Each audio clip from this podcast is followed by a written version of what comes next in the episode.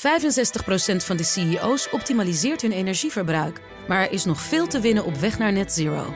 Meer weten? Ga naar pwc.nl slash netzero. Factgoeroes. Ja, want het is dinsdag en bijna 9 uur, zo'n 10 minuten voor 9. En dus gaan we factchecken met onze eigen Frank Leeman. Nou, Frank, meteen met de deur in huis. Deze week een bericht over tegenvallende appeloogsten, begrijp ik? Ja, precies. Afgelopen week was er een bericht, ik las het dan toevallig bij de NOS... dat Nederlandse fruittelers, van appels in dit geval... last hebben van een kever, de appelbloesemkever.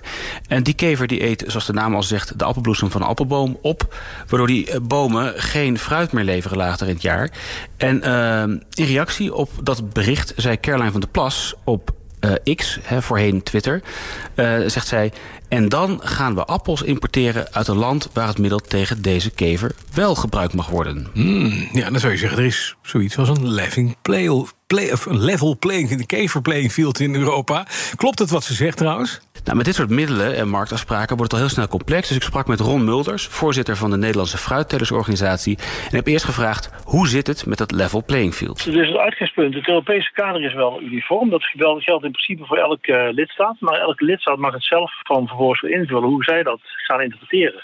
Dus er is altijd ruimte voor uh, eigen interpretatie van Europese regels. En dat zorgt ervoor dat er uh, mm -hmm. verschillen zijn tussen de verschillende lidstaten. Ja, dat klinkt niet mooi, hè? Verschillen tussen verschillende lidstaten. Dan zou je zeggen, dat is niet echt een sprake van een level playing field. Ja, inderdaad. En in dit geval betekent het dat de EU bepaalt of een middel überhaupt is goedgekeurd voor gebruik. En als het middel niet is goedgekeurd, dan mogen alle lidstaten het niet gebruiken.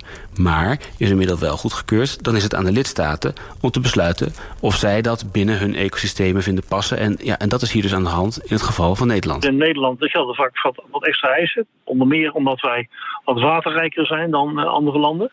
Het gevolg daarvan is dat er in Nederland door zijn genomen minder middelen worden toegelaten dan in uh, andere landen in Europa. Kortom, het gaat niet om voedselveiligheid, maar wat is het lokale effect op het ecosysteem op andere insecten? En wat zijn de gevolgen als het bijvoorbeeld terechtkomt in grondwater of oppervlaktewater? Mm -hmm. Want we zijn dus een waterrijk land, dus als het in het water terechtkomt, dan verspreidt het zich meer dan wanneer het neerslaat op een droge bodem in bijvoorbeeld Spanje ja. uh, of Polen. Mm -hmm. Ja, dus daarin is Nederland dan dus net wat strenger. Precies, en, en hebben wij dus inderdaad dat uh, antikevermiddel verboden?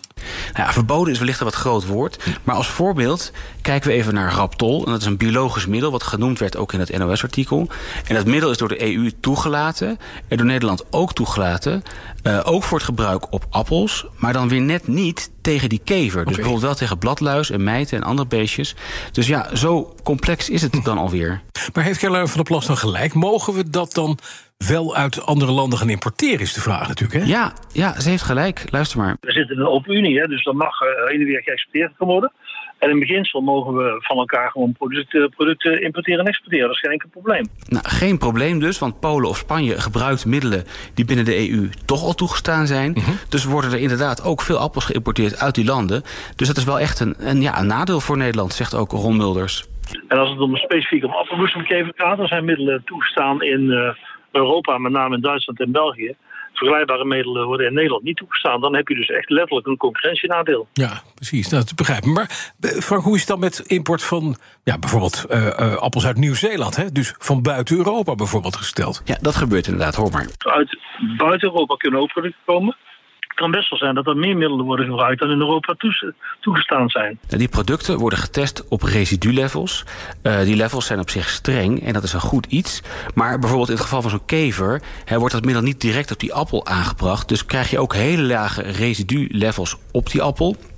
En mogen die dus prima geïmporteerd worden, ook als daar middelen gebruikt zijn die in Europa niet toegelaten ja. zijn. Want ja, die, die, die levels die zitten onder die waardes. Dus ja, je kan ze gewoon importeren. Dus mm -hmm. ja, als je het even economisch bekijkt, dan zit het eigenlijk een beetje als volgt. Maar de BV in Nederland heeft dus ten opzichte van Europa in een aantal gevallen een nadeel, omdat wij wat strikter uh, kijken. Dat is één ding. En de BV Europa, zeg maar, die heeft een nadeel ten opzichte van landen buiten Europa. Nou, nou, één ding kunnen we stellen, Frank. Uh, van der Plas heeft dus gewoon gelijk. Ja, ze heeft gelijk. Dus, oh, ja, en overigens is die kever, hè, als die eenmaal in je boomgaard zit, echt een probleem. Er werd me verteld dat er telers zijn die echt het risico lopen... dat ze de hele boomgaard uh, moeten vernietigen of, of zullen gaan verliezen. Uh, ja, en in de tussentijd, inderdaad, zoals Van der Plas zegt... Uh, worden tekorten op de markt inderdaad aangevuld met importappels hm. uit landen die mogelijk een middel gebruiken wat we hier niet mogen gebruiken. Precies, omdat wij te streng zijn. Dankjewel, onze fact guru Frank Leeman. Elke donderdag rond de klok van 10 voor 9. 65% van de CEO's optimaliseert hun energieverbruik. Maar er is nog veel te winnen op weg naar net zero. Meer weten? Ga naar pwc.nl slash netzero.